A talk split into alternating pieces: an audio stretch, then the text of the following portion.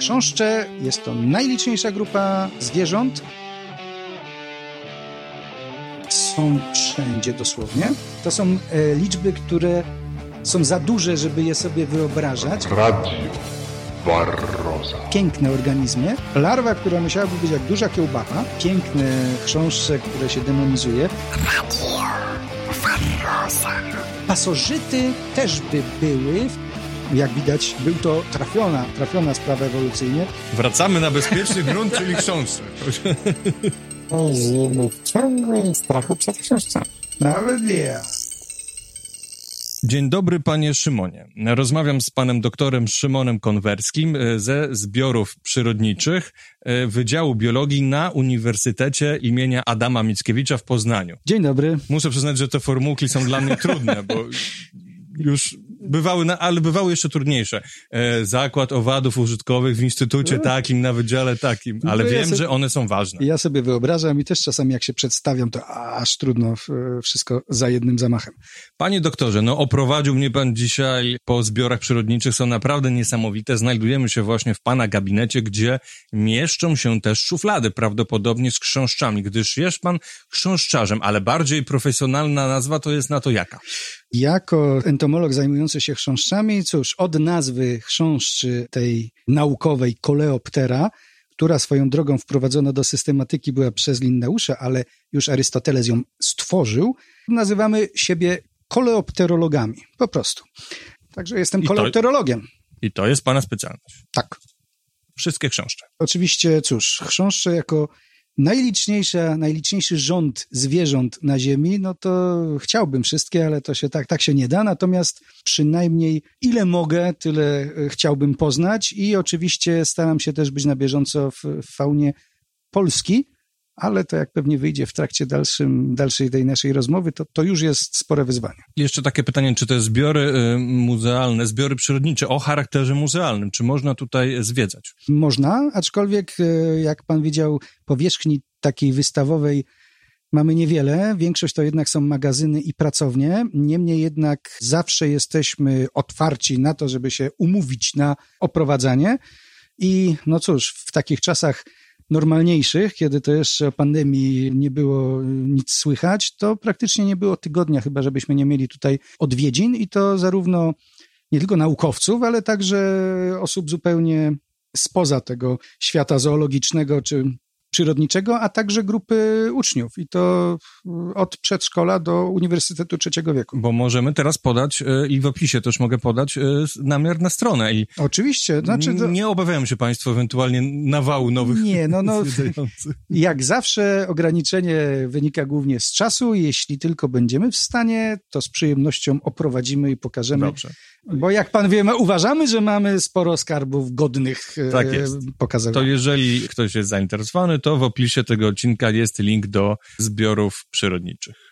Panie Szymonie, proszę powiedzieć, skąd u pana zainteresowanie biologią, a konkretnie owadami, a jeszcze konkretnie chrząszczami? No tak, to jedno, jedno z trudniejszych pytań generalnie, bo jak tak Jak to się człowiek zacznie podsumowywać, sam się zacznie zastanawiać. U mnie to jest o tyle proste, że nie wiem skąd, w tym sensie, że zawsze mnie to interesowało. Zawsze przyroda, ale zawsze bardziej zwierzęta niż, niż rośliny. A wśród tych zwierząt owady jako taki świat równoległy, bo to wszędzie wokół, natomiast y, no, mimo wszystko niewiele, przynajmniej na początkowym etapie edukacji gdzieś w szkole podstawowej, no trudno było zgromadzić jakieś informacje. No oczywiście otoczenie najbliższe, rodzina, rodzice, którzy zawsze te zainteresowania wspierali. Nigdy nie usłyszałem, że tam zostaw to, wypuść, w sensie nie wiem, wyrzuć, nie wiem.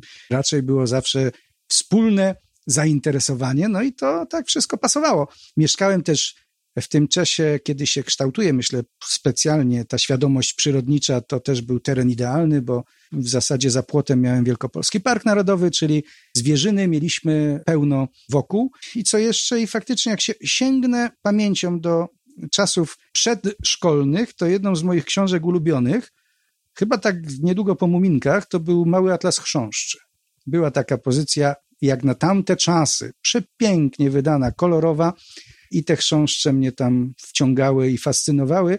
Także odpowiedź też jest taka, z czysto być może powodów czysto estetycznych, jako po prostu piękne organizmy i to tak chyba zostało. Teraz oczywiście wypadałoby powiedzieć, że będąc naukowo świadom, mogę powiedzieć, że jako grupa modelowa, na której wszystko można pokazać, która jest fenomenalna, jeśli chodzi o rozważania ewolucyjne, ale początek był chyba po prostu taki, bo mi się niezwykle podobały. Ale panie Szymonie, chyba nie ma się czego wstydzić, bo głównym motywacją do powstania nauk podstawowych i ich celem jest chyba ciekawość świata, ciekawość wszechświata. Tak sądzę i teraz jak e, właśnie, jeśli chodzi o, wie pan, takie etapy poznawania, czy jakby świadomości, rozbudzania się tej świadomości naukowej w człowieku, to myślę, że takim etapem który do dzisiaj pamiętam, to były studia, początek, kiedy no już trzeba było coś wybrać, bo owszem, zawsze stawonogi były tą grupą, która mnie fascynowała, no ale teraz tych stawonogów to też była cała masa specjalistów od różnych grup mieliśmy tutaj na studiach, którzy nas uczyli też różnych, a więc zostawały i pajęczaki do wyboru i wśród owadów, no to czy motyle, czy właśnie może chrząszcze. I tam trzeba było się wyspecjalizować, także te chrząszcze zdecydowanie były najważniejsze, ale moment przełomowy to był taki, kiedy w terenie, w trakcie zajęć zaczęliśmy poznawać to, co tam żyje. I nagle się okazywało, że ten świat się rozszerza, tak, że jeden trawnik, jedna murawa to jest środowisko życia całej masy gatunków. No i, i to, że, że człowiek zaczynał sam je poznawać, a potem idąc gdzieś już potrafił tę wiedzę wykorzystać. Także teraz jak patrzę się gdzieś na, na trawnik, to już gdzieś tam zawsze w tyle głowy jest takie, takie zastanawiam się, co tu zapewne sobie e, siedzi. Tak? No, jeśli... no tak, nie patrzy pan na trawnik tak jak przeciętna osoba. Myślę, że myślę, że nie. Myślę, że patrzę już bardziej tak jak to entomolog, czyli, czyli okay, na to... zgromadzenie, zbiorowisko całej masy zwierzaków. Panie Szymonie, w takim razie posługując się tym przykładem trawnika, bo często się mówi coś takiego w popularnym obiegu informacji, że na metrze kwadratowym gleby ile może żyć dżownic. To w takim razie na takim metrze kwadratowym trawnika czy łąki, ile może w Polsce żyć, y, no, książce. No dobrze, to tak. To oczywiście tak od razu, to konkretnie nie powiem. powiem, drzwi, powiem, że tak na metrze, jakbyśmy się zastanawiali, no dobra, puśćmy wodze wyobraźni, wychodzimy, bierzemy czerpak, um, uderzamy w rośliny. Podejrzewam, że będziemy mieli kilkadziesiąt gatunków bez problemu, przedstawicieli przynajmniej, bo ja wiem, 10-15 rodzin. To jest taki standard. Mogę to powiedzieć dlatego, że wielokrotnie żeby uświadomić różnorodność biologiczną, bo często mówimy różnorodność biologiczna i myślimy od razu las deszczowy, no okej. Okay. Ale tak naprawdę różnorodność biologiczna to jest wtedy, kiedy pójdziemy tutaj, przed budynek na przykład, weźmiemy ten czerpak, pójdziemy sobie na trawniko murawę, którą zczerpakujemy i nagle się okaże, ile tego tam jest. A zatem to są dziesiątki gatunków, to jest przynajmniej kilkanaście dużych jednostek, takich jak rodziny. Czyli to nas dosłownie otacza. Tak naprawdę moglibyśmy usiąść na ławce i czekać, co do nas przyjdzie, ewentualnie mieć jeszcze jakieś płyny do wabienia i to już... To, A jak się przestaniemy ruszać, to jeszcze zacznie nas jeść, co może na końcu sobie o tym porozmawiamy. Tak, o tym, co nas, co nas, co nas będzie, będzie się nami interesowało, jak, jak już nie będziemy się zupełnie ruszać. Okej, okay. tak, czy takich, z tego, co pan mówi, to zadam pytanie, czy te chrząszcze są w takim razie wszędzie? Chrząszcze jest to najliczniejsza grupa zwierząt, najliczniejszy rząd owadów. Owady y, jako takie to jest grupa, która odniosła w sensie liczby gatunków największy sukces ewolucyjny, tak? bo przez 400 milionów lat ewolucji stanowią jeden z podstawowych elementów każdego ekosystemu, poza morzami, oceanami, są wszędzie dosłownie. Ale tam ich e, kuzyni też sobie Ale dobrze radzą. Skorupiaki, czyli skorupiaki sobie radzą, tak. oczywiście. Natomiast y, poza tym owady są wszędzie. Skoro w obrębie owadów blisko 400 tysięcy gatunków poznanych to chrząszcze, no to odpowiedź chrząszcze są wszędzie, czy stwierdzenie takie jest właściwe. Nawet na Antarktydzie? Nie na samym lodzie, ale w pobliżu, tak, y, jest niewielka liczba gatunków chrząszcze. Także okay. i tam nawet w zimnych rejonach tych chrząszczy troszkę znajdziemy, choć oczywiście no, sprawa jest jasna, tak jak z większością owadów, skoro są to zwierzęta uzależnione od temperatury, to im cieplej, tym jest ich e, więcej. Ale można powiedzieć, że opanowały całą kulę ziemską nie gorzej niż człowiek no, i dużo wcześniej. Oczywiście. To, e, jak sobie poradziły, no to, to jest imponujące i ta liczba gatunków poznanych, a jeszcze może więcej działa na wyobraźnię fakt że w zasadzie naukowcy zgadzają się co do tego, że samych chrząszczy, tak, samych chrząszczy y, szacuje się, że może być nawet 2 miliony gatunków. To są e, liczby, które są za duże, żeby je sobie wyobrażać, więc o, tu może warto coś opowiedzieć o własnym podwórku, czyli o Polsce. Bo tu w granicach Polski to to jest, myślę, da nam pojęcie o różnorodności. E, jak się zastanowimy, ile gatunków chrząszczy było stwierdzonych w samych granicach Polski. No i tutaj się nagle okazuje, tak, jak zwykle odwołuje się do, do wiedzy osób, z którymi na ten temat rozmawiam, w sensie ile znają nazw gatunkowych chrząszczy, choćby tych zwyczajowych. No bo, bo chrząszczy ile mamy? Mamy ponad 6 tysięcy. Ponad 6 tysięcy gatunków. To znaczy właśnie, czy ja się znam na wszystkich chrząszczach? Nie da się. Niemniej jednak, no można oczywiście opanać i należałoby wszystkie rodziny, potem w obrębie rodzaje, raczej rodzaje być może, ale no poznać 6 tysięcy chrząszczy żyjących w Polsce, to się nie da. Nie da się ich oznaczyć tak w terenie. Od oznaczymy w terenie to, co jest najbardziej charakterystyczne, duże, rzuca się w oczy, ale większość chrząszczy to są drobiazgi, bo mówimy o, o grupie, gdzie w kraju mamy przedział wielkości od takiego jelonka rogacza i kozioroga dębosza, które wszyscy znamy, parocentymetrowych takich olbrzymów, do piórkoskrzydłych, które mają poniżej pół milimetra. No więc siłą rzeczy z przyczyn technicznych e, w terenie e, jesteśmy w stanie rozpoznać tylko niektóre gatunki. Okej, okay, czyli takie półmilimetrowe to są jedne z najmniejszych. To są, tak, to są, ta rodzina Ptilidae, piórko skrzydłe, to są faktycznie, jak Dlatego, to mój kolega ładnie na nazwał, wirtuozi miniaturyzacji, tak? To, jest, to są najmniejsze chrząszcze e, na Ziemi. A skąd nazwa? Bo żerują na piórach? Piórko skrzydłe? Nie, nie, nie, broń Boże. One są spotykane w mikrośrodowiskach związanych z glebą i z martwym drewnem, a piórko skrzydle dlatego, że one funkcjonują troszeczkę jak taki plankton powietrzny, nie mają skrzydeł typowych dla innych chrząszczy, czyli o płaszczyźnie jednej, tylko te skrzydła są, wyglądają jak takie piórka. Jest powiedzmy oś i takie szczecinki odstające w obie strony. Stąd też właśnie piórko skrzydłe. To już dosłownie, to są chrząszcze, które gdybyśmy kichnęli y, tam dwa metry od nich, no to jego będzie niosło powietrze e, na tych jego skrzydełkach. Niemniej jednak przy sprzyjającej pogodzie oczywiście lecą tam, gdzie chcą. Okej, okay, skoro plankton powietrzy, to jak rozumiem, tych chrząszczy jest pełno po prostu. To znaczy piórko skrzydłych? Bo użył pan plankton powietrzy. Nie, nie, to nie jest na tej zasadzie, że okay. ich jest tam gęsto. Nie, absolutnie nie. Niemniej jednak chodzi mi o to, że w dużej mierze unoszą się A. czasami w tym powietrzu. Tak jak nimi powieje, tak Bo polecą. Mi się wydawało, że jak zrobię taki no nie, głęboki wdech, to mam sporą szansę, że jakiegoś wciągnę. Tak łatwo nie jest, powiem szczerze, mnie zabrało e, sporo lat e, zauważenie pierwszego piórkoskrzydłego latającego, także to nie jest... Nieuzbrojonym jest to, okiem? Tak, jest to wyzwanie, bo hmm. właśnie trudno je zobaczyć, hmm.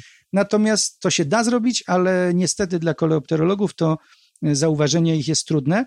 W większości przypadków tą akurat rodzinę pozyskuje się z przesiewania właśnie takich substratów jak ściółka czy próchno, czy też wypłaszane są w tulgrenach, które oglądaliśmy, z których pozyskujemy właśnie taką drobnicę jak roztocze czy krząszcze. Okej, okay, to no to teraz rekordziści z drugiej strony, czyli największe osobniki. Największe. To tak jak mówiłem, w Polsce no to będzie samiec jelonkar rogacza i przepiękny kozioruk dębosz między innymi, bo jeszcze kilka kuzek takich zbliżonych wielkością jest.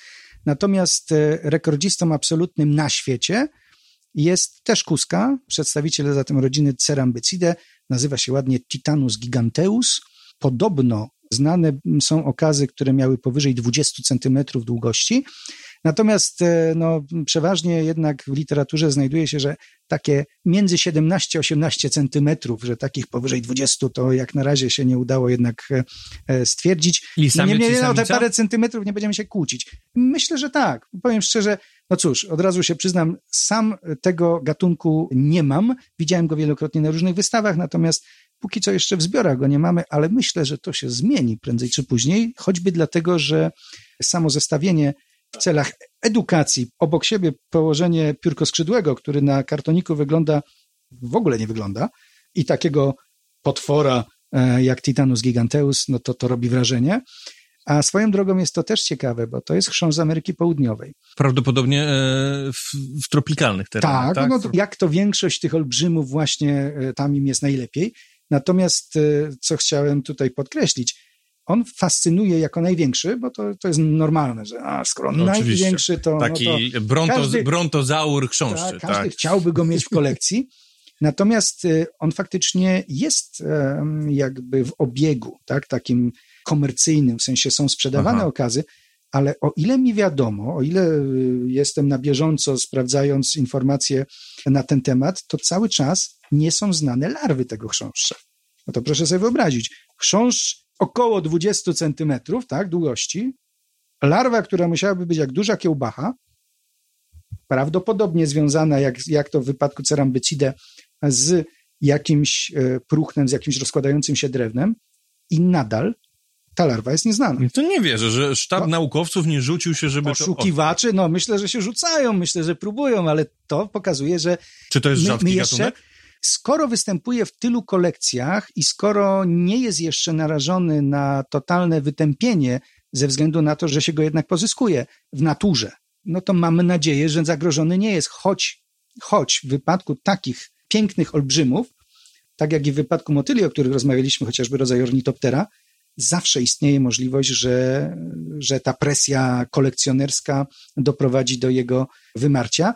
Niemniej jednak na razie chyba aż tak źle nie jest, ale faktycznie zgadzam się, że sam fakt, że nieznana jest jego larwa, to tylko pokazuje, ile jeszcze jest do zrobienia. Bo nie mówimy o piórkoskrzydłym, gdzie nie znać larwy to norma, natomiast e, mówimy o, o największym chrząszczu na Ziemi. Okej, no to, to jest w ogóle dobry taki mem e, clickbaitowy, może z tego zrobię cytat, bo robię czasami takie tego odcinka, czyli larwa o wielkości prawdopodobnie parówki największego chrząszcza na świecie nie jest znana, nikt nigdy ją nie widział.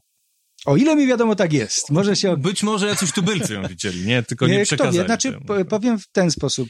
Jeśli ją widzieli, to na pewno ją też jedli. O, Dlatego, że larwy tych dużych chrząszczy właśnie w lasach deszczowych to jest najczęściej przysmak. Zresztą jeśli ktokolwiek ze słuchaczy widział nasze pędraki chociażby, to zrozumie, że coś bardzo zbliżonego, te larwy kuskowatych są nieco inne, ale, ale, ale również jest to taki wielki biały wór na żarcie. No to jest e, Białko, białko tłuszcz. trzy i to takie zdrowe. Także mówi nie- się, że e, jedzenie dla ludzi przyszłości, tak? Yy, To jeśli już na, o tym mówimy, tak. Myślę, że myślę, że owady jak najbardziej. Aczkolwiek też e, oczywiście nie chodzi o te owady e, łapane w- na dziko, te, czy takie właśnie larwy, ale myślę, że, że pozyskiwanie, pozyskiwanie białka, no nawet z owadów, które nam się niezbyt miło kojarzą, ale mogą to być sterylnie hodowane larwy much czy mączników. E, Był u to mnie gość, przyszłość. y, Ka- Kacper Piwowarek, badacz ka- karaczanów, który mówił o jedzeniu karaluchów, co jest jeszcze dla ludzi pewnie gorsze. No, ale to jest kwestia, myślę, przyzwyczajenia, bo jest jedna rzecz, która pokazuje, jak człowiek zmienia podejście.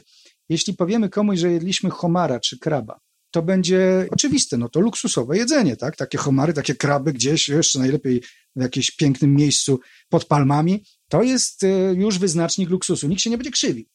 A jak powiemy, że zjedliśmy właśnie suszone świerszcze, smażone albo coś takiego, czy też larwę w oleju, to jeszcze za bardzo nas to nie przekonuje, ale to jest kwestia e, Kulturowa. tak, zdecydowanie. No, cała Ameryka Środkowa, duża część Ameryki Południowej, Afryka, wykorzystywane są tam te zasoby entomologiczne jako pokarm. I myślę, że przyszłość nas do tego zmusi, ponieważ pozyskiwanie tego białka jest znacznie mniej obciążające dla środowiska niż, niż to, co e, obecnie mamy, czyli kręgowce. Najlepszy przykład, że to kwestia kulturowa, to to, że e, właśnie Indianie z Ameryki Południowej jedzą tradycyjnie małpy, czego podejrzewam, że żaden współczesny Europejczyk nie jest w stanie sobie wyobrazić. No cóż, tak, ale to jak żyją ludzie najbliżej przyrody, czyli właśnie te plemiona, e, to myślę, że, że, że sporo odbiega od naszych wyobrażeń, mimo tego, że wydaje nam się, że wiemy coś na ten temat. Wracamy na bezpieczny grunt, czyli chrząszcze. Chociaż jedzenie już jest, podejrzewam, kontrowersyjne. No ale nie bolimy się tutaj kontrowersji. Panie Szymonie, proszę powiedzieć, co to są te organizmy za chrząszcze, co je tak ogólnie charakteryzuje i Okej. wyróżnia fenotypowo czy fizjologicznie od innych owadów i w ogóle innych zwierząt? Jednym słowem, którego owada będziemy mogli określić jako chrząszcza, którego nie. I teraz Co je charakteryzuje? co je charakteryzuje? Najprościej. Najprościej i to się myślę, od tego trzeba by zacząć, to są pokrywy, czyli pierwsza para skrzydeł zamieniona w takie mniej lub bardziej e, zesklerotyzowane struktury, pod którymi schowane są skrzydła lotne, złożone i które to pokrywy chronią odwłok. No właśnie, tu warto wspomnieć o tej nazwie, wrócić do tej nazwy Coleoptera, tak, łacińskiej, która ma swój odpowiednik w języku polskim, rzadziej używany niż chrząszcze, ale bardziej opisujący grupę Coleoptera to tęgo pokrywę. A więc takie, które mają właśnie te skrzydła zamienione e, w pokrywy. Bo chrząszcze to się kojarzy raczej z czymś, co chrzęści, szeleści, i ta nazwa I od jest, tego jest ta miła. nazwa, tak? Ja tak sądzę przynajmniej, tu podejrzewam, że właśnie od tego, dlatego że okej, okay, chociaż łatwo sobie wyobrazić żuki, tak, czyli rodzinę Geotrupidae, to żuk leśny, żuk wiosenny, każdy je w lesie spotykał, no to jak to idzie w ściółce, to szeleści, tak, jak sobie wyobrazimy takiego titanusa gdzieś wśród liści, to też podejrzewam, że hałas robi, można by wręcz zaryzykować stwierdzenie, że to szeleszczenie i hałasowanie będzie tym bardziej słyszalne, im większy jest zwierzak. No ale to trzeba pamiętać, że większość chrząszczy to jednak drobiazgi. W związku z tym większość chrząszczy podejrzewam, że porusza się bezszelestnie. Niemniej jednak chrząszcze, ok, jest to nazwa najczęściej używana, tęgo pokrywę nieco rzadziej, a więc pokrywy, ale nie tylko pokrywy czynią chrząszcza, ponieważ pokrywy jako osłona skrzydeł lotnych pojawiają się u innych rzędów owadów. I to warto pamiętać, że na przykład u skorków nazywanych tak niezbyt szczęśliwie szczypawkami. Tak? Tam też mamy pokrywy, pod którymi są takie wachlarzowate skrzydła lotne. U pluskwiaków mamy półpokrywy, czyli znowu struktury, które bardziej mają znaczenie ochronne dla skrzydeł lotnych. A więc co jeszcze poza pokrywami czyni chrząszcza? No po pierwsze oczywiście chrząszcze mają przeobrażenie zupełne, czyli są holometaboliczne, czyli mamy larwy w stadium poczwarki, potem i imago, który na już nie przykład podlega tak jak zmianom. błonkoskrzydłe, tak? Na przykład jak błonkoskrzydłe, na przykład jak motyle, na przykład jak muchówki. Wszystkie chrząszcze mają aparat gębowy gryzący, czyli jest to ta pierwotna forma aparatu gębowego. Modyfikacje oczywiście są, ale, ale stosunkowo niewielkie. No i specyficzny w tym momencie, jak sobie Państwo wyobrazicie chrząszcza, na którego patrzycie, kiedy on idzie, no to zobaczymy tak, zobaczymy głowę, na głowie czułki różnego rodzaju, głowa z tym aparatem gębowym gryzącym. Za głową natomiast będzie tarcza, która się nazywa przedplecze. To przedplecze to jest tarcza przykrywająca przedtułów. Zaraz za przedpleczem będziemy widzieć już te pokrywy. I za pokryw może nam odrobinę wystawać odwłok, ale nie musi. Pokrywy mogą odwłok przykrywać zupełnie, czyli od góry widzimy tylko głowę, przedplecze i pokrywy.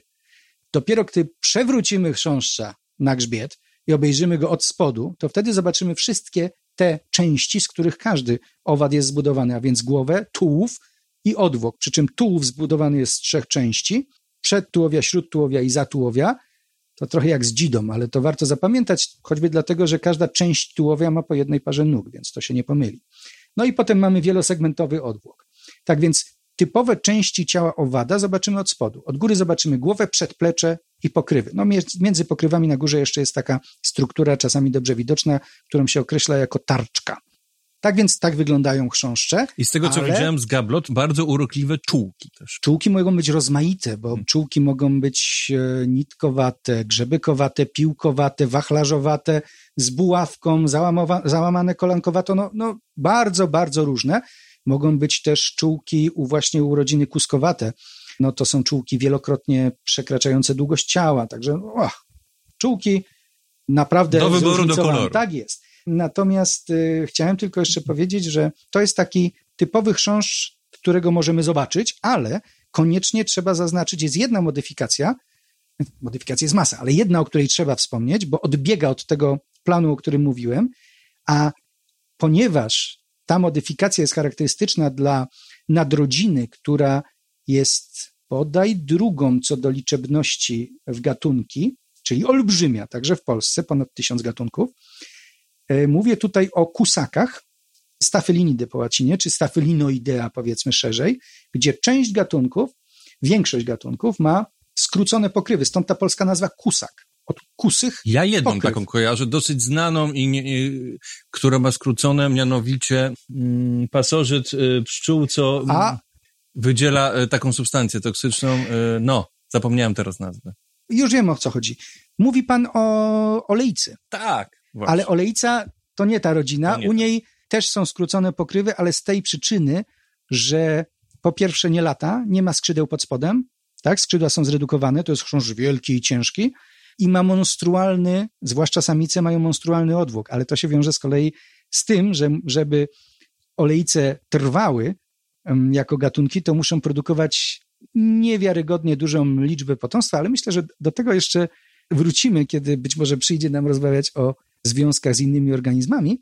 Natomiast nie, kusaki owszem, ale kusaki wyglądają nieco podobnie, z tym, że kusaki pod tymi krótkimi pokrywami mają, mają skrzydła lotne, które mogą składać i rozkładać. I odwłok, I latać też mogą? i latać też mogą i mają odwłok bardzo długi, także wyglądają bardziej jak larwa chrząszcza niż jak dorosły chrząszcz, na pierwszy rzut oka oczywiście. E, Niemniej jednak odwłok jest silnie zesklerotyzowany, czyli też jest twardy. No właśnie, bo zacząłem o tej budowie jeszcze. Cała sprawa z pokrywami to jest zabezpieczenie ciała, zabezpieczenie struktur błoniastych, zabezpieczenie tchawek, tak? Stworzenie specjalnej komory, w której nie tylko chronione są skrzydła lotne, ale też która służy jako izolacja termiczna, stąd też chrząszcze opanowały skrajnie suche środowiska, takie jak pustynie. I paradoksalnie te pokrywy również umożliwiły zasiedlenie wtórne wody. I to w kilku liniach ewolucyjnych, ponieważ pod pokrywami można gromadzić powietrze, którym pod wodą się będzie oddychało. A zatem pokrywy jako wyróżniająca e, cecha i z drugiej strony pokrywy skrócone u bardzo dużej grupy chrząszczy, gdzie e, jakby rozwiązanie jest inne. One są przez to, że mają króciutkie pokrywy, ich ciało jest bardzo giętkie i mogą penetrować środowiska, do których taki usztywniony chrząszcz będzie miał problemy z dotarciem. Czyli znowu gleba próchno, tam się kusaki wciskają, tam przemykają niczym wije pomiędzy jakimiś strukturami w tym swoim mikrośrodowisku. A więc, no cóż, myślę, że no właśnie to czyni chrząszcza, tak? czyli budowa taka właśnie z pokrywami, z przedpleczem, nie bie- wnikając czyli w biedronka detale. jest również chrząszczem. Oczywiście, Biedronka to jest jeden z naszych najczęściej widywanych chrząszczy, choć ostatnio częściej widywana czasami jest Biedronka azjatycka niż nasza Ale nadal Biedronka. Ale nadal Biedronka. I tak, i u niej możemy zobaczyć, jeśli się ktoś chce przyjrzeć, to oczywiście w oczy rzucają się piękne, kolorowe pokrywy.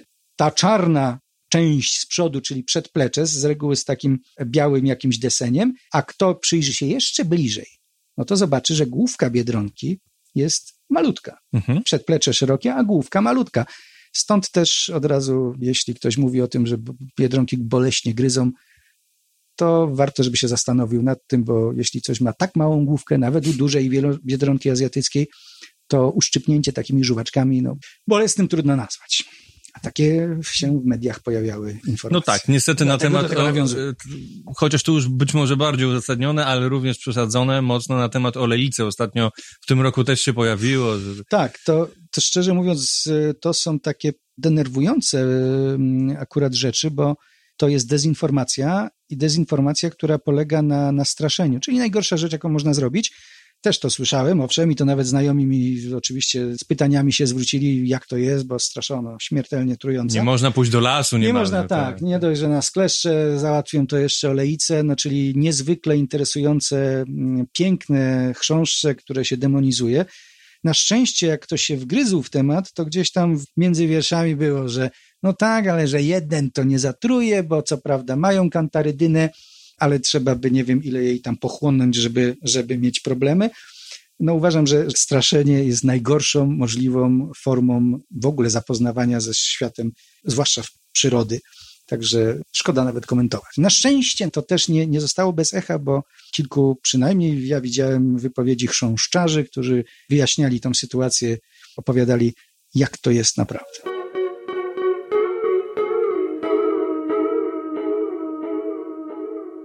Okej, no to mamy ich charakterystyczną budowę załatwioną, a jak z trybem życia? Czy to raczej roślinożercy, koprofagi, drapieżniki, a może pasożyty? A może nawet parazytoidy? Oczywiście tak. Wszystko, Aha. co pan, wszystko, co pan wymienił i też? więcej, to jest to w e, chrząszcze, wśród, e, znaczy chrząszcze takie e, znajdziemy, a więc e, na pewno najwięcej, jeśli chodzi o gatunki, będzie fitofagów, czyli tych typowych zjadaczy roślin. To są dwa ogromne podrzędy chryzomeloidea, czyli tam, gdzie są stonki i kuski, oraz kurkulionoidea, czyli wszystkie ryjkowce, do których też należą zresztą korniki. I to jest ta olbrzymia... Niesławne. Ol, no, Sławne A- albo niesławne. To znaczy, no właśnie, to osob, jakby osobna sprawa, natomiast w każdym razie tu do ryjkowców te korniki należą i ryjkowce plus stonki, kuski to jest ta masa zjadaczy roślin. No ale oczywiście cały podrząd adefaga to są chrząszcze drapieżne. I tutaj mamy mm, być może znane wielu osobom biegaczowate, do których należą jedne z większych chrząszczy w Polsce, takie jak biegacz skórzasty, piękne chrząszcze, wszystko drapieżniki, to drapieżniki niekiedy skrajnie wyspecjalizowane, bo na przykład nasz cychrus, rodzaj e, stępień, stępień ślimaczarz, to jest chrząszcz, który wyspecjalizował się w polowaniu na ślimaki. Ma wydłużone przedplecze, zwężone, wydłużoną głowę, żeby się wgryźć od ujścia muszli w ślimaka. Chrząszcze wodne drapieżne, czyli rodzina chociażby pływakowate, które jako jedne z nielicznych krajowych chrząszczy polują na kręgowce, bo ponieważ polują na małe rybki i na kijanki. I to jest ich... Niesamowite. No samodzielnie, to są, to są takie straszne łobuzy, bo one są potężne, to są duże, parocentymetrowe chrząszcze, poruszające się niczym torpedy w wodzie i łapiące no, wszystko, co się napatoczy. Również ich larwy są groźnymi drapieżnikami. Tak więc y, typowe drapieżniki, typowe fitofagi, no ale mamy, tak, wspomniał pan o olejcy, A, To pasożyty. tylko tutaj to jest sprawa właśnie skomplikowana. O ile ja bym nie użył w sumie określenia, no dobrze, nie, pasożyty też by były, w tym sensie, że pasożyty zewnętrzne, ale to byśmy sięgnęli do e, rodziny Leiodidae, czyli grzybinkowatych, gdzie jest taki gatunek Platypsyllus castoris, chrząszcz, który pasożytuje na bobrach. Chrząszcz, który na skórze bobrów właśnie e, żyje. On tak jest na granicy pasożyta, ale też takiego, który się odżywia martwym naskórkiem, niemniej jednak prawdopodobnie w dużej ilości te chrząszcze potrafią uszkadzać skórę i żywią się wtedy wydzielinami. No to to jest typowy pasożyt zewnętrzny. Natomiast y, więcej faktycznie w odniesieniu do innych owadów będzie parazytoidów, na przykład jako larwy. Chrząszcze Mhm. są parazytoidami, wykorzystującymi chociażby w wypadku niektórych kusaków muchówki, na których larwach żerują. No wiadomo, parazytoid w wielkim skrócie od pasożyta będzie się, możemy powiedzieć, że różni się tym, że parazytoid zżera tą swoją ofiarę bardzo często od środka. I zazwyczaj doprowadzę do, Do śmierci, śmierci. tylko że w odróżnieniu od drapieżnika powoli. Tak jest, powoli i często od środka. Także Dosyć nieprzyjemne. dosyć Co można nieprzyjemne. zresztą w filmie właśnie Alien Tak jest podziwiać. i właśnie tutaj wracamy do obcego ósmego pasażera Nostromo i fantastycznego cyklu rozwojowego. Oczywiście tam też mamy do czynienia z parazytoidem.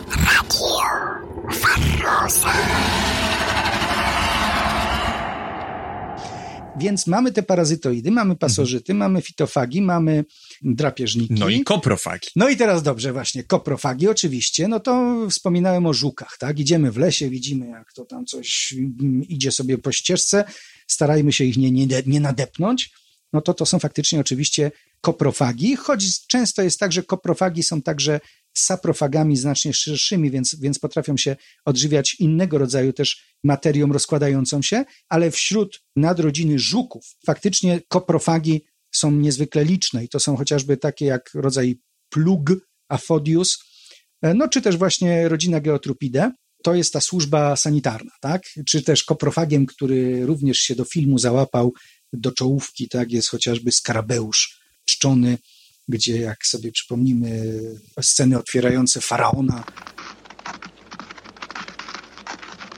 to tam właśnie taki skarabeusz toczy tą kulkę nawozu. No i czyli- też słynna scena z mikrokosmosu tego filmu. A Tam. tak, oczywiście. I No to co- jaki to był książ, ten co toczy tą słynną kulkę? Nie pójdziemy dalej tą drogą, bo moglibyśmy podeptać święte żuki. To był skarabeusz. W Polsce niestety skarabeusza nie ma, ale mamy odpowiedniki inne, które postępują podobnie, aczkolwiek niestety, niestety te, co, których mamy najwięcej, czyli właśnie żuki w sensie geotrupide, one kulek w zasadzie nie toczą. Także takiego pięknego obrazka to sobie w lesie nie zobaczymy.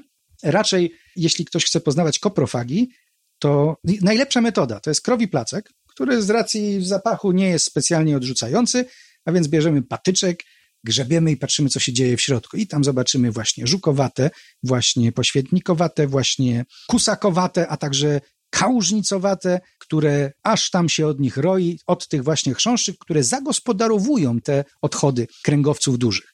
Cóż dalej? Saprofagi, no to tak jak mówię, szerzej. To znaczy wszystko, co się rozkłada, będzie się Czyli w- nadawało. Tutaj też destruenci, tak? Tak, no w, Czyli wszystkiego... wchodzimy na wszystkiego- temat trochę już medycyny sądowej. Tak, tak? I, i bo, bo w tym momencie z tych koprofagów i saprofagów przejdziemy do nekrofagów, A, ponieważ y, duża część chrząszczy to są nekrofagi, które odżywiają się martwą materią pochodzenia zwierzęcego, w tym również zwłokami, zwłokami ludzkimi.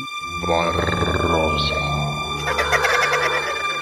Czyli, e, ponieważ nie mam żadnej listy, czyli musiałem sobie odkreślać, o czym mówiłem, ale myślę, że te główne, główne grupy troficzne to już tak sobie... roślinożercy, koprofagi, saprofagi, Tak. drapieżniki, pasożyty i parazytoidy Tak. omówiliśmy. Pasożyty zewnętrzne, tak. No i oczywiście, e, no cóż, tu moglibyśmy w każdą grupę wchodzić, bo teraz tak, jeśli wejdziemy, a, no może jeszcze to warto odmówić, w obrębie tego, o czym mówimy. To znaczy tak, w obrębie fitofagów jest też grupa, którą w zasadzie można uznać za pasożyty roślinne, ponieważ żyją wewnątrz tkanek roślinnych i to jest grupa bardzo interesująca, bo to są chrząszcze minujące. No, no właśnie, bo czy kornik jest pasożytem ćwierków, czy nie? kornik. To jest kwestia teraz nazewnictwa, bo Okej. jeśli przyjmiemy, że rozwijanie się wewnątrz organizmu żywiciela, tak, nawet rośliny, to już wchodzi bardziej w pasożytowanie niż w klasyczne roślinożerstwo, no to kornik w jakimś zakresie będzie.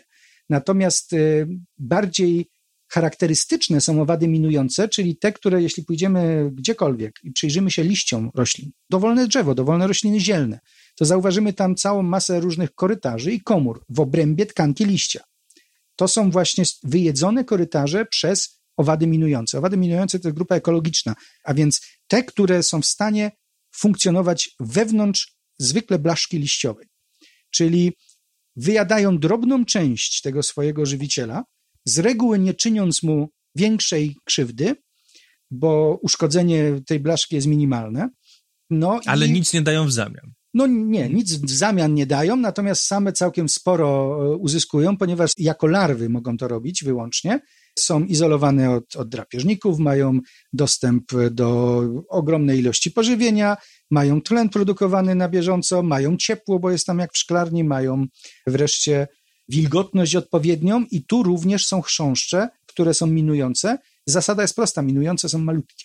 Więc z reguły, jeśli jest rodzina jakaś, w której są chrząszcze minujące, to te minujące będą najmniejszymi, najczęściej Od czego ta nazwa minujące? Bo, nie, bo podejrzewam- kojarzy się oczywiście z ten, stawianiem min. Myślę, że to może być związane z pojęciem miny jako mine, jako kopalnia, A, ale pytanie jest właśnie. dobre, nie jestem pewien, czy tak jest. Niemniej jednak używamy tego określenia owady minujące. Tak więc to jest jeszcze jeden specyficzny przykład na granicy właśnie fitofagów i pasożytów.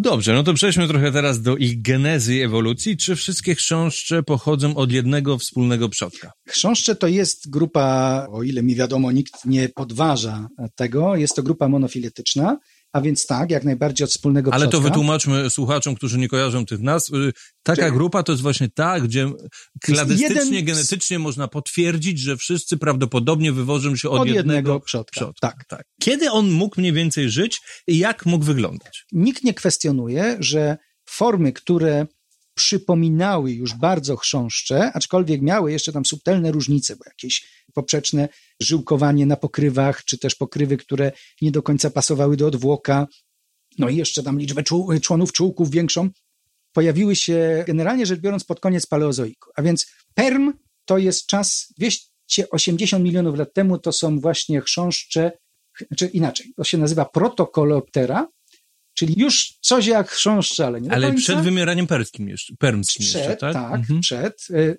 Co więcej, I one już dane, żyły na lądzie? Czy? Owady generalnie są Mhm, lądowe. mhm. Okej. I Owady jako grupa, to jest grupa lądowa. Y, Wyewoluowawszy y, ze skorupiaków, może, z czymś dość podobnego do skorupiaków. w każdym tak? razie oczywiście jak to tam wyglądało, to jest cały czas kwestia do rozważań. Niemniej jednak owady jako takie to jest grupa czysto lądowa. I skoro już jesteśmy przy tym, to też czasami pada pytanie, które brzmi strasznie, ale odpowiedź na nie jest banalna w zasadzie.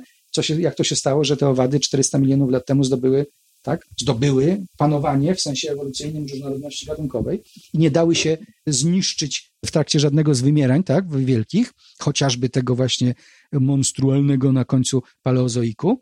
No cóż, owady uzyskały zdolność lotu. owady 400 milionów lat temu wykształciły skrzydła. Dwie pary skrzydeł u owadów.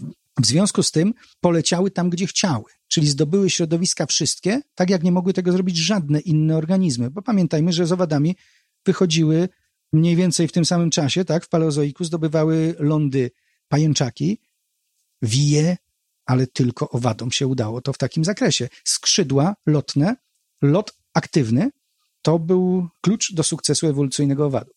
No i teraz owady wykształcają formy takie jak chrząszcze.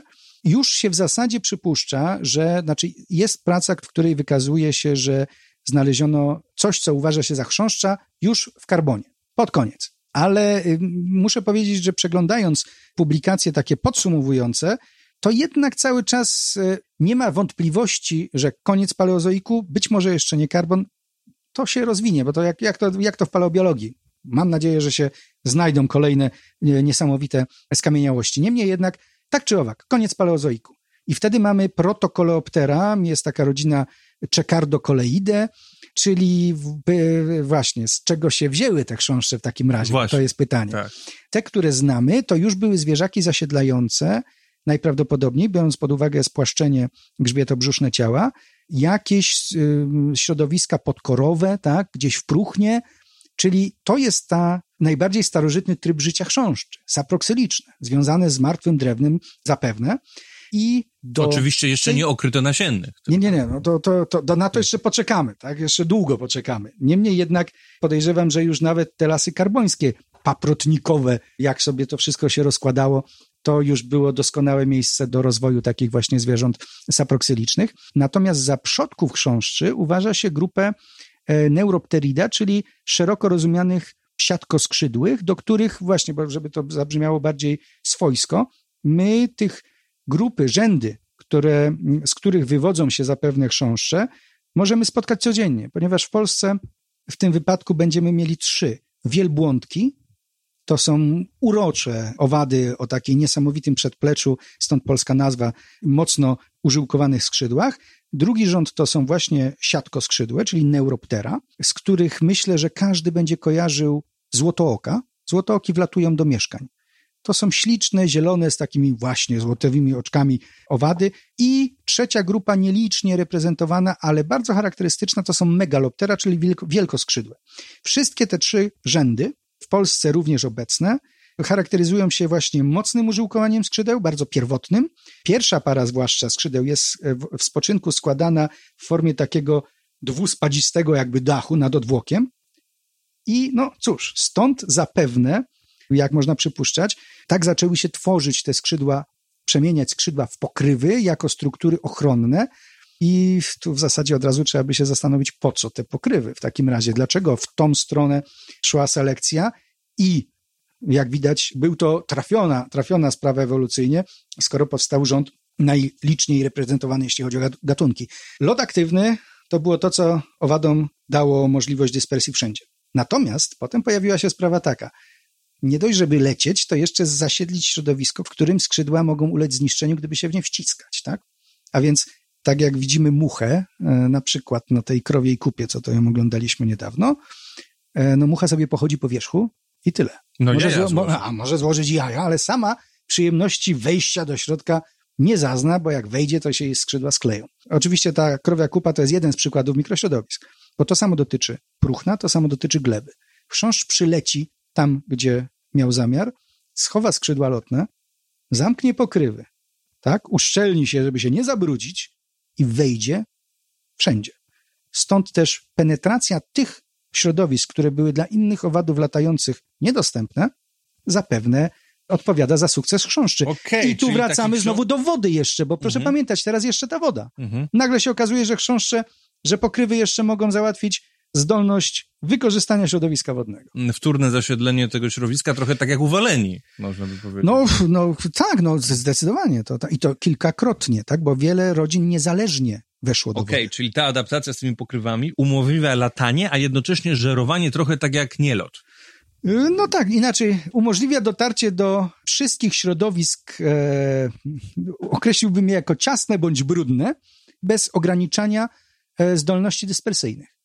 Ponieważ owszem, mamy w glebie faunę, która ciągle w niej siedzi i radzi sobie tam świetnie. To będą pajęczaki, to będą skoczogonki, które niegdyś do owadów zaliczano, obecnie to jest osobna jakby grupa, tak, skrytoszczękich, ale one nie latają. Natomiast chrząszcze to jest ta grupa, która również w tym środowisku jest niezwykle liczna, no ale jeszcze do tego potrafi polecieć wszędzie, gdzie chce. Czy mamy jakieś niesamowite przykłady starożytnych, znanych z wykopalisk y, paleontologicznych szczątków chrząszczy, takich, no nie wiem, jak na przykład jakieś olbrzymie ważki? Myślę, że nic tak spektakularnego jak meganeura to wśród chrząszczy nie ma. Oczywiście były one większe jak wszystkie owady, Aha. te karbońskie, czy też potem permskie, z racji chociażby y, mimo wszystko innego klimatu i innej wilgotności, innego składu atmosfery. Natomiast nie kojarzę w tej chwili niczego takiego. Okay. Myślę, że myślę, że to, co mamy. Większe, myślę, że mamy podobne, teraz. Tak? Myślę, że to, to nawet trudno mi powiedzieć, e, szczerze mówiąc, czy średnio. Mhm. Sądzę, że to aż tak nie wyglądało. Okay. Co jest inna rzecz ciekawa. Jeden z tych podrzędów czterech chrząszczy to jest archostemata. To są najbardziej pierwotne chrząszcze. I co jest najbardziej fantastyczne, to chrząszcze w obrębie archostemata, należące do rodziny Cupedidae, to są chrząszcze, które pojawiły się albo już pod koniec paleozoiku, a z całą pewnością już w Triasie, czyli zaczyna się mezozoik i już mamy Cupedidae. Cupedidae do dzisiaj trwają. Mało tego, od e, Jury jest chociażby rodzaj Omma, rodzaj, który dzisiaj jest również reprezentowany, czyli rodzaj, który sobie liczy ponad 150 milionów lat. A więc to pokazuje jeszcze jedną rzecz, że rozwiązania ewolucyjne w obrębie tej grupy były tak trafione, że pomimo totalnej przebudowy sceny życia, one sobie nadal radzą. Oczywiście ten podrząd archostemata dzisiaj to są relikty i rzadko się je spotyka, niemniej jednak się spotyka. To było jedno z moich marzeń. W Australii liczyłem na to, że mi się uda takiego gdzieś znaleźć. No nie udało się, ale może się, może się uda e, kiedy indziej. Niemniej jednak świadomość, że tak starożytne organizmy w obrębie chrząszczy funkcjonują, no to, to jest niesamowite. Potem tak mamy... zwane żywe skamieliny. Żywe, tak, oczywiście. To są w pełni na taką nazwę zas, zasługują. Natomiast e, potem już e, w Jurze pojawiają się grupy w zasadzie znane z dzisiejszej naszej rzeczywistości.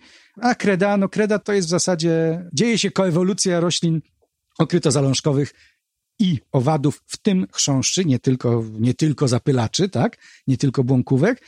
No i doprowadza to do tego, że jak się już trzeciorzęd rozpocznie, jeśli go tak nazwiemy, w każdym razie, żeby było bardziej poprawnie, już w kenozoiku na początku mamy, przynajmniej jeśli chodzi o poziom rodzinowy chrząszczy, to mamy to, co dzisiaj. Oczywiście okay. jest inne, inne rozmieszczenie, ale to już są te rodziny. To przelećmy się po tych, szybko po tych współczesnych rzędach. E, A, podrzędach, tak? Więc Pod... mamy rząd koleoptera i teraz mamy cztery podrzędy. Archostemata to są te żyjące skamieniałości. Jak jest jakaś polska nazwa, to proszę mówić. Yy, nie ma. Nie. Ich nawet w Polsce niestety A. nie ma, więc nie ma też polskiej Jasne. nazwy. Drugi podrząd to jest adefaga, czyli chrząszcze bodaj się nazywa po prostu chrząszcze drapieżne, ponieważ faktycznie adefaga to są właśnie biegaczowate, na przykład to są właśnie pływakowate, wszystkie są drapieżnikami. Trzeci podrząd to byłyby myksofaga, maleńka grupa, o której by można powiedzieć, że większość nieentomologów to pewnie ich w życiu nie zobaczy, ale jeden gatunek występuje w Polsce. To są bardzo malutkie chrząszcze, to jest kwestia milimetra, a żyją, e, sam miałem przyjemność, e, ale to po wielu latach szukania, e, łapać, obserwować je. One żyją w piasku na obrzeżu zbiorników wodnych i w tych przestrzeniach pomiędzy ziarnami piasku sobie funkcjonują. To jest malutki podrząd. Wreszcie największy podrząd, tam gdzie jest tych gatunków już ponad 300 tysięcy, to jest polifaga, czyli chrząszcze wielożerne. No i tu mamy to wszystko, tak? Tu mamy wszystkie rodzaje w zasadzie trofizmu, wszelkie możliwe do wymyślenia e, kształty i drogi rozwoju. To jest najliczniejszy dzisiaj podrząd. I do polifaga należą właśnie te dwie nadrodziny, o których mówiłem, czyli ryjkowce kurkulionoidea i chryzomeloidea, tam, czyli stonki i kuski, czyli te najliczniejsze gatunki fitofagi, roślinożercy. A jeśli teraz chodzi o rodziny to już się nie przelecimy. Tak, dlatego, dlatego panu darowałem.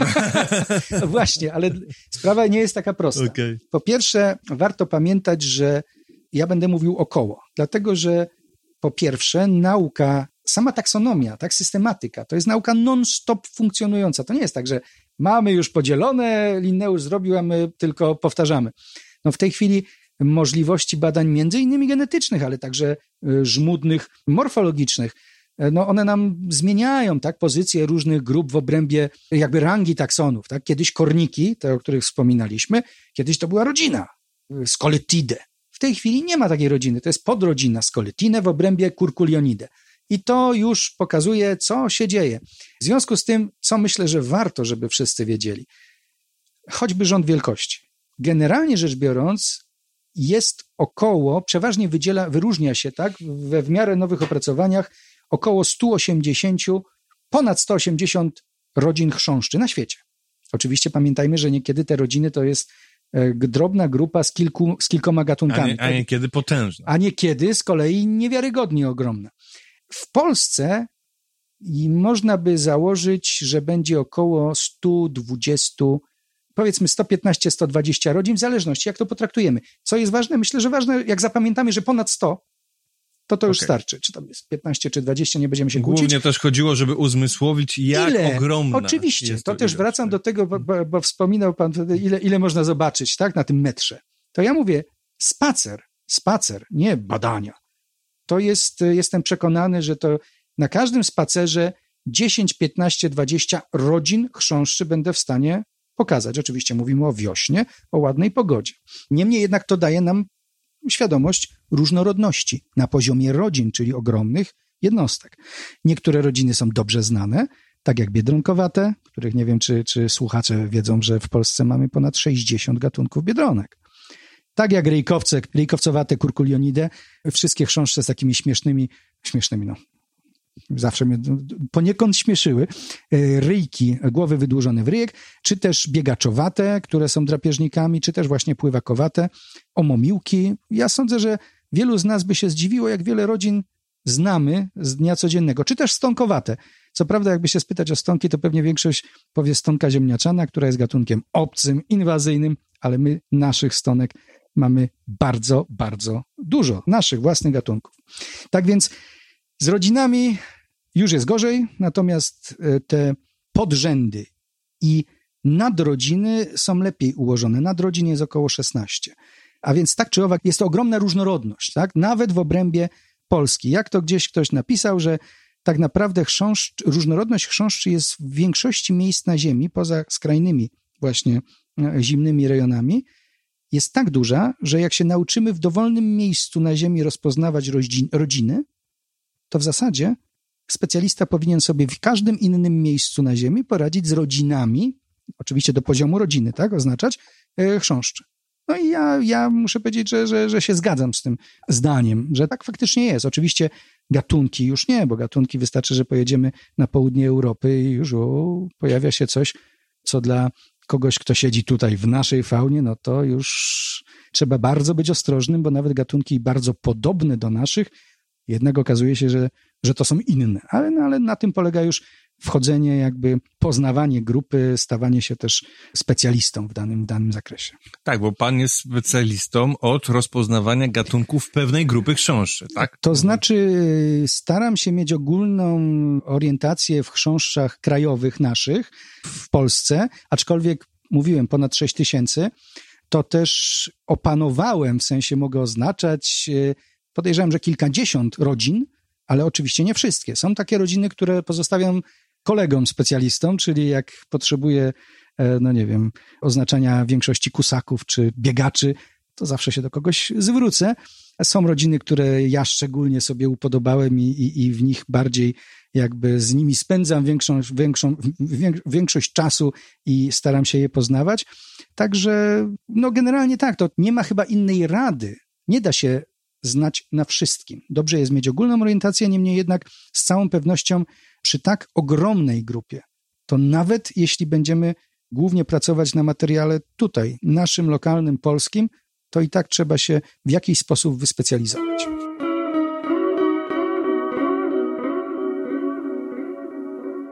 A jak wygląda taka praca badawcza? Mikroskop i teren? No tak, tylko odwrotnie. To teren i mikroskop.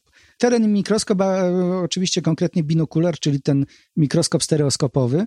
Najpierw jest to badanie obszaru, który nas interesuje w każdy możliwy i odpowiedni e, sposób, żeby pozyskać te grupy, które znowu nas e, zajmują, a więc w wypadku chrząszczy ze względu na zróżnicowanie ich biologii, no to tych metod odłowu jest cała masa. Ja mówiłem o czerpaku, bo to, to jest e, najczęściej używany prosty sprzęt do pozyskiwania wszystkich stawonogów, które siedzą na powierzchni roślin. Do chrząszczy idealnie się nadaje. Bardzo często stosuje się odłowy na światło, a więc to, co w nocy przyleci do światła, to często jest coś, czego inaczej byśmy nie pozyskali. No wodne wiadomo, to trzeba będzie stosować inne metody.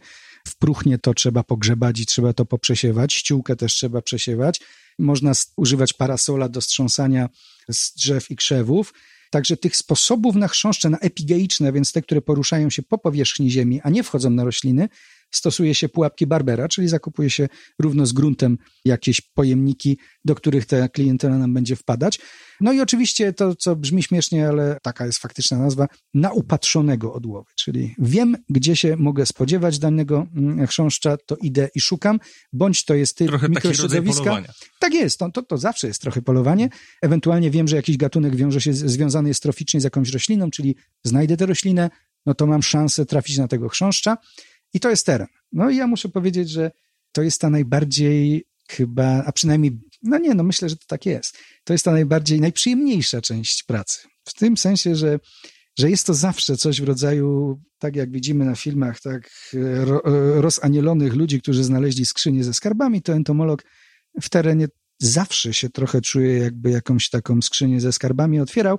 Oczywiście części tych skarbów w terenie się nie zobaczy, bo mówiłem, choćby dlatego, że za małe, no to wtedy je mam pod binokularem i dopiero w pracowni rozpracowuję. I zaczyna się oznaczanie. Jest kilkadziesiąt e, tomów kluczy do oznaczania chrząszczy Polski i to jest wydawnictwo doskonale znane wszystkim chrząszczarzom. No a potem zaczyna się trzecia część, która brzmi najpoważniej i to ona wzbogaca, miejmy nadzieję, tą naukę jako taką, czyli trzeba to opracować, no i opublikować. No i to już jest ta część najbardziej żmudna, no ale jak już się to uda zrobić, to jest wtedy satysfakcja. Tak więc trzy etapy w zasadzie. Teren, laboratorium, a potem już e, a jeszcze w labora- komputer. W laboratorium jeszcze bym wymienił podgrupę, czyli preparacja. A, Proszę no, też o tym powiedzieć, przy... bo z tego, co ja czytałem, wypowiedzi czasami entomologów na forum, no to jest niemalże sztuka. No, powiedzieć. niewątpliwie. To, nie, to, to jest to rodzaj sztuki, jest to umiejętność Czasami niektórzy odnoszą takie wrażenie, że to preparowanie równo, ładnie, no to takie trochę dziwactwo. Po co? Przecież wystarczy wrzucić do fiolki ze spirytusem i gdzieś schować.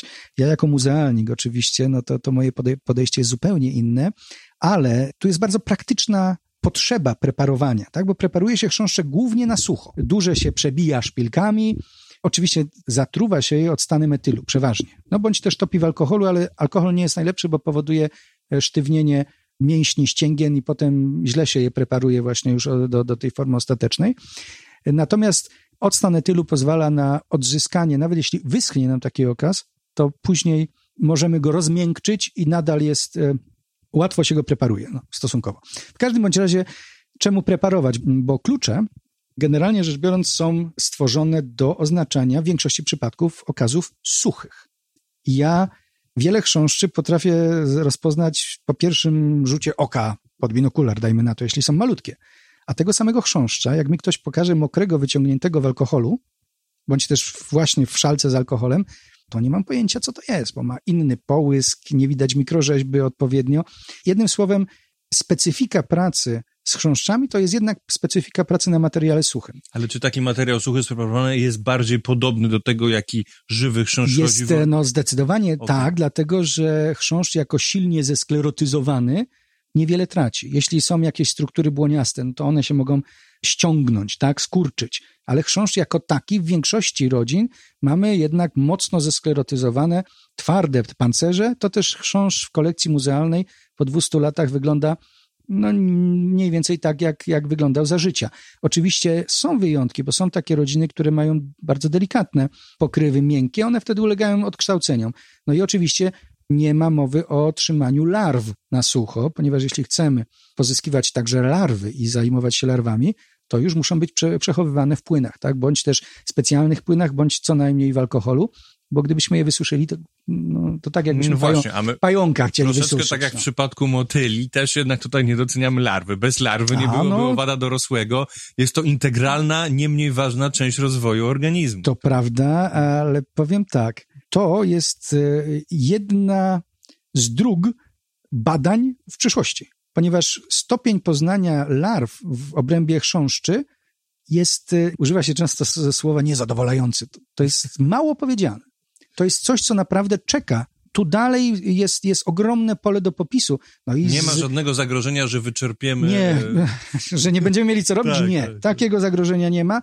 Z drugiej strony wymaga to ogromnej wiedzy i, i doświadczenia i ja powiem szczerze, znam e, no niewielu, niewielu koleopterologów, którzy swobodnie bądź w miarę swobodnie czują się w larwach chrząszczy, bo ja muszę się przyznać, że jak zdarzało mi się przeglądać materiał larwalny bez n- możliwości stwierdzenia, jakie, by, znaczy nie, nie imago i larwa razem, tylko same larwy, no to jest to strasznie ciężka robota, mimo że istnieją klucze takie zgrubne do oznaczania do rodzin i nawet rodzajów, to powiem szczerze, już oznaczanie do rodzin to jest wyzwanie. Tylko tak, no, co my tu o larwach będziemy mówić, jak zgodnie z tym, co ustalono, prawdopodobnie jeszcze nawet większości gatunków na podstawie imagines i tak nie znamy. Ale oczywiście jest to kolejny etap poznawania grupy, fascynujący, bo dopiero znając pełny rozwój, tak, larwy i to kolejne stadia,